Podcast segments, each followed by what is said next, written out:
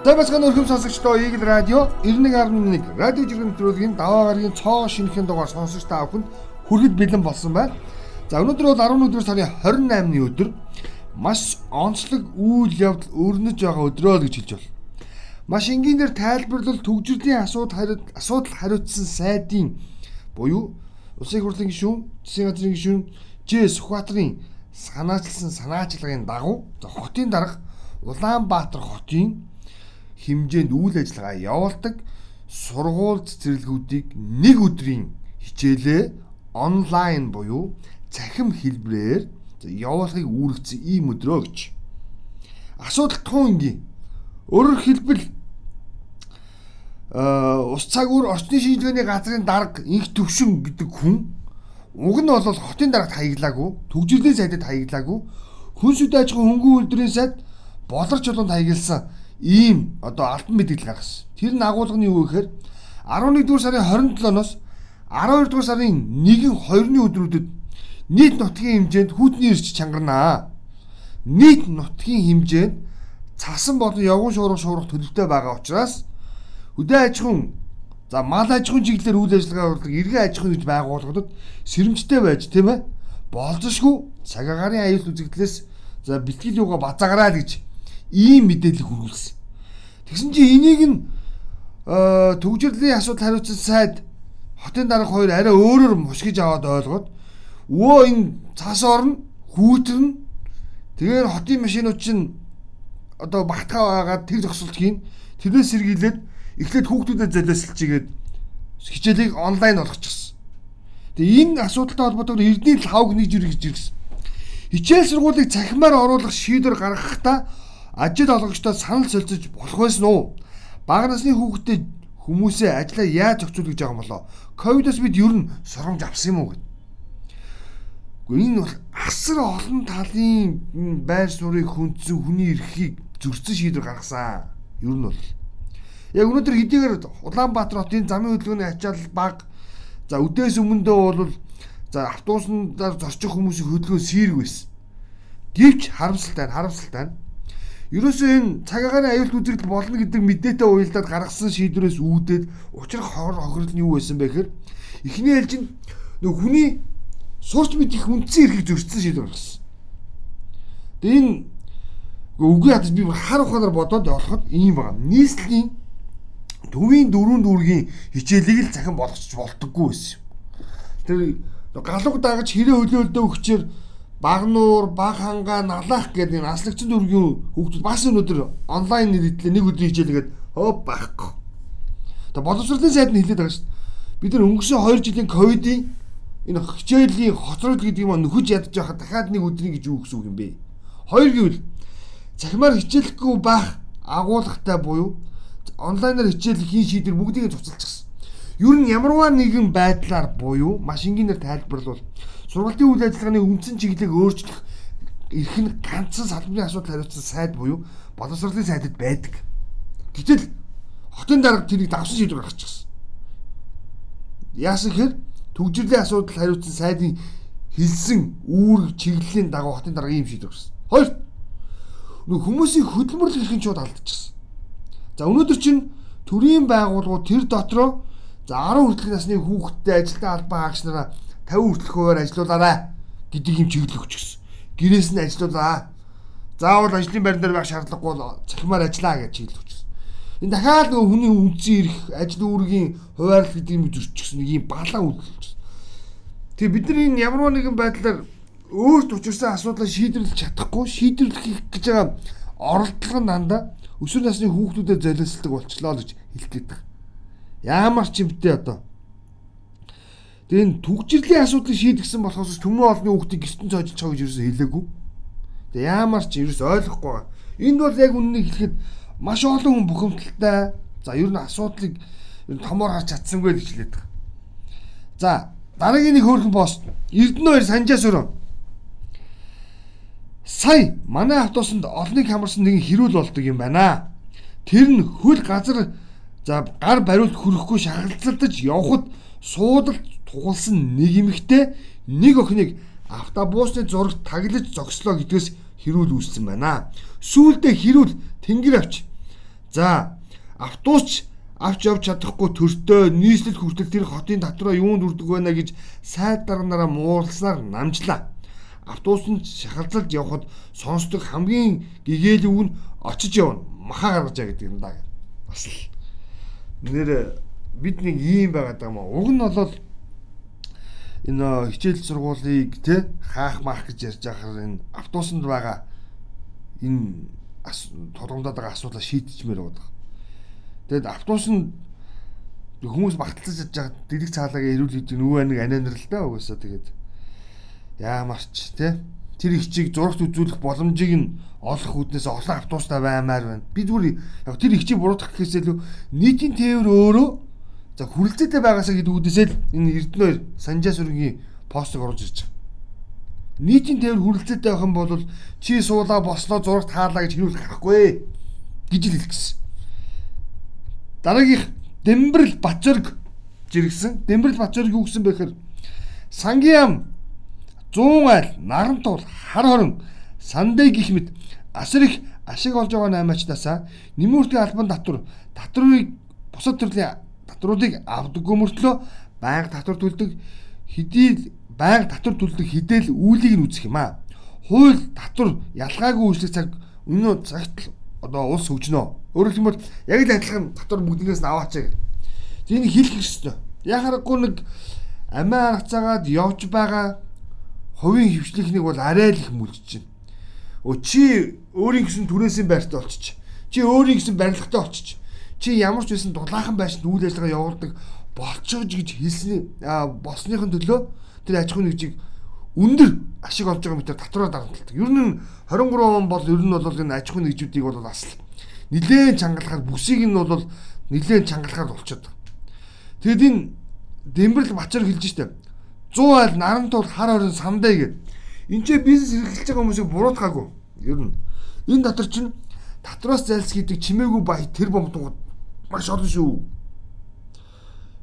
Аа маш олон иргэд хилдэг ер нь нарантолын чимээгүй баячуудыг гүйцэх баячууд алгаа л гэж. Үнэн шүү дээ. Тэд нар мундаг байна. Бас амжиргаагаа бусдаас хараат бусаар тий сөөхөн ингээд ашиг орлого олоод явж байгаа сайн. Гэхдээ татвараа бүгдээ жиг төлөө. Мөн үү? Гэдэг зүйлийг л одолж хэлэх гээд байгаа маа гэж. Аа дараагийн нэг жиргээ. Энэ хиний жиргээ байсан. Аа энэ. Гамба гамба пи гэдэг хаянаас ирсэн. Энэ яг яг бид нар нэг ирээдүйдээ хэн болох вэ гэдэг дээр л их ачаалал бүглэх хэрэгтэй жоо хөнгөн жиргээ баг шүү. Бяцхан охин ээж болох дими юм байна. Байнгын уур уцаартай. Тэрний оронд А босон дээр өгнэ. Ажилдаа явж ирчгээд компьютер тоглоос очих. Тэгэхээр яг эн чинь нүг бидний харилцаа хандлага хүмүүжил ер нь ямар байна вэ гэдгийг хэлж байгаа шүү дээ.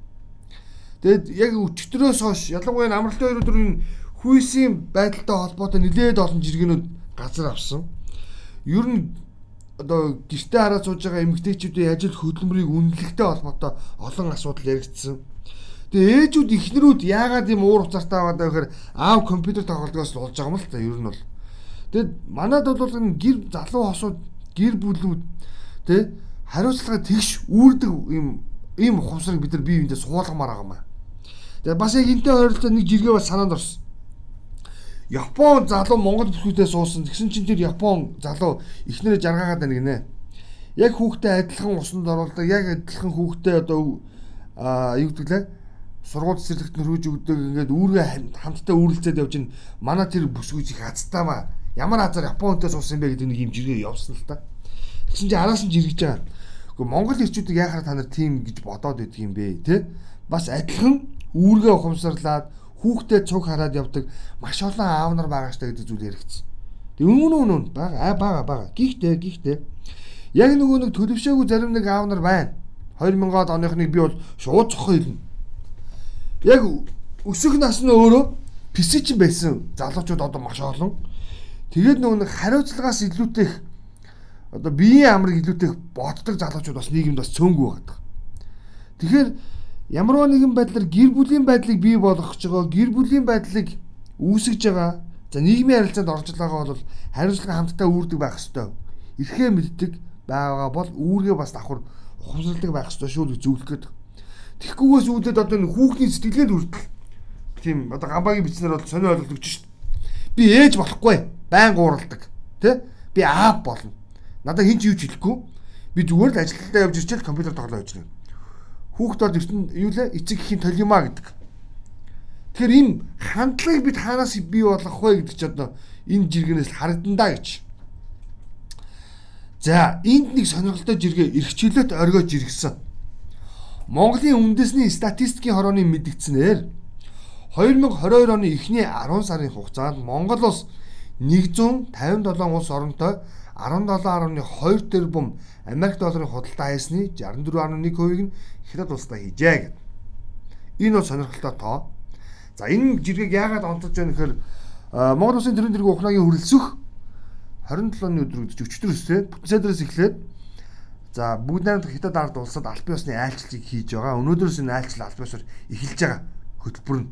За өчтөр бол хүрэлцээ очсон. Өнөөдрөөс одоо тодорхой протоколын дагуу айлчлалуудыг хийдэн. Тэгээд энэ айлчлал өөрөө нэлээд өндөр ач холбогдолтой гэж онцлогдож байгаа. Яагаад тэгэхээр бүгд найрамд хятад ард улсын төрийн мэдээллийн За Синхуа ч гэдэг юм уу гол гол одоо CCTV-гийн мэдээллийн одоо сувгуудаар Монгол улсын ерөнхийлөгчийн айлчлалыг нэлээд онцолж байгаа юм бэл. Тэгээ ялангуяа тэг ковид гэдэг ийм бодлого баримталж байгаа хятад улсын хувьд тус усаж айлчилж байгаа Монгол улсын ерөнхийлөгчийн айлчлал бол нэлээд анхаарал татна. Тэгэд айлчлалын бүрэлдэхүүн ч гэсэн бас нэлээд тийм хязгаарлагдмал орчинд хийгдэж байгаа. Өмнө нь бол бизнесийн төрийн одоо байгууллагын төлөөлөл гэдэгтээ зэрэгцээд бизнесийн төлөөлөл, хэвлэл мэдээллийн төлөөлөл нэлийн өргөн бүрэлдэхүүнтэй иймэрхүү айлчлал зохион байгуулалт гэсэн бол тик ковид бодлогын хөтөлбөрөөр энэ айлч нэлийн хязгаарлагдмал хэлбэртэй. Гэхдээ ярих асуудал шийдэх агуулгууд нь маш өндөр өндөр ач холбогдолтой гэж үзэж байгаа. Жишээлбэл Монгол улсын хувьд бол худалдааны эрэлтийг нэмэгдүүлэх, төмөр замын гарцуудыг тийм үү. За нэмэгдүүлэх гэдэг дээр бол маш олон хүлээлтийг бий болгож байгаа. Нөгөө талдаа энэ эрх чөлөөт өргөгийн жиргээд байгаа. Өнгөрсөн оны буюу энэ одоо 22 оны а эхний 10 сарын байдлаар нийт худалдааны 64%-ийг хятадын талтаа хийж байгаа бол энэ тог цаашдаа хэр ямар байдлаар нэмэгдүүлэх юм. Нөгөө талаар Монгол улс өөрөө мөнхийн хоёр хөрштэй энэ хоёр хөрштэй ялангуяа өмнөд хөрштэй худалдаа эдийн засгийн нөхцөл болцыг нэмэгдүүлэх чиглэлээр бол стратегийн буюу өөрөөр хэлбэл ойрын 5-аас 10 жилийн нэг тийм том худалдааны гарц нэгднэ гэдэг ийм тооцооллыг бас хийж байгаа гэдэг онцлог юм байна. Тэгээд энэ тухайн мэдээллийг бас дараа нь онцолж хүргэнэ гэж. За, дугур завын жиргээ энэ их гой мэдээ шүү. Хүний бид нэг юм серотонин гэдэг нэг юм даавар байдаг юм байна. Бичээ даавар. Серотонин гэдэг дугуурж авч ирсэн шүү. За ингэж байна. Серотонин байглаас хүнд бэлгэлсэн ад жаргалын даавар юм аа. Инээх үед энэ дааврын хэмжээ эрс нэмэгддэг. Серотонин даавар нь тархины 86 тэрбум эсэд асар хүчтэй нөлөө үзүүлдэг. Энэ дааврыг эрдэмтэд сайн зангийн даавар гэж нэрлэдэг. Даваа гараг бүгдээрээ серотонин гэдэг энэ даавраа ялгаруулахын төлөө байцгаа. Тэгээ эн чинь маш энгийн штеп. Имийг дандаа өөдрөгөр харъя. Тэ? Асуудлыг нөө хараар биш бухимдаж биш. Депрессд биш тэ? Баясалтайгаар. Гэтэ бас баясалтай гэхээр бас нэг мэдрэл утга юм шиг байж болохгүй шүү. Арай өөрөөр өнгөлгөөр хардаг баяа л гэж хэлэх гээд байгаа. Тэгээ үүнийг дэмжиж би төмрийн мөнх тунгалгийн жиргэг явуулъя. Төмрийн мөнх тунгалаг битгий харамч бай. Хүнд хоёр дахь боломжийг өгч сурч сураад бай. Харин битгий тэнэг бай. Гурав дахь боломжийг хизээж битгий өг гэсэн байна. За тэгээд харамч байх юм уу, тэнэг байх юм уу гэдэг өөрсдөө сонгороо гэж. Харамч байна гэдэг маань та хин нэгэнд боломж олохгүй тий байхыг хэлж байгаамаа гэсэн үг. А харин тэнэг гэдэг бол нэгэн боломж олгоод байхад алдаад байгаа нөхдүүд гэсэн үг шүү дээ. Тэдэрт дахин бүх боломж олгоо. Энэ бол таны тэнэг гэдэг чи харуулж байгаа маа л гэж. Тэгэхээр харамж байх юм уу тэнэг байх юм уу гэдэг та өөрөө сонгороо. Боломж танд байгаа. Серотониногоо ялгаруулцгаая гэдэг өнөөдрийн нэвтрүүлгийг өндөрлүүлээ. Бидэнтэй хамтаас ирхэм сонсогч та бүхэнд маш их баярлалаа. Манай нэвтрүүлэг 7 хоногийн даваагаас Маасагарт 1730 минутаас Eagle Radio 91.1-ээр хүрдэг. Мөн Facebook-ийн за Eagle Radio 91.1 гэсэн пэйж хуудасаар манай нэвтрүүлгийг дахин болон нөхөн сонсороо дараагийн дугаараар илүү болж баяр та.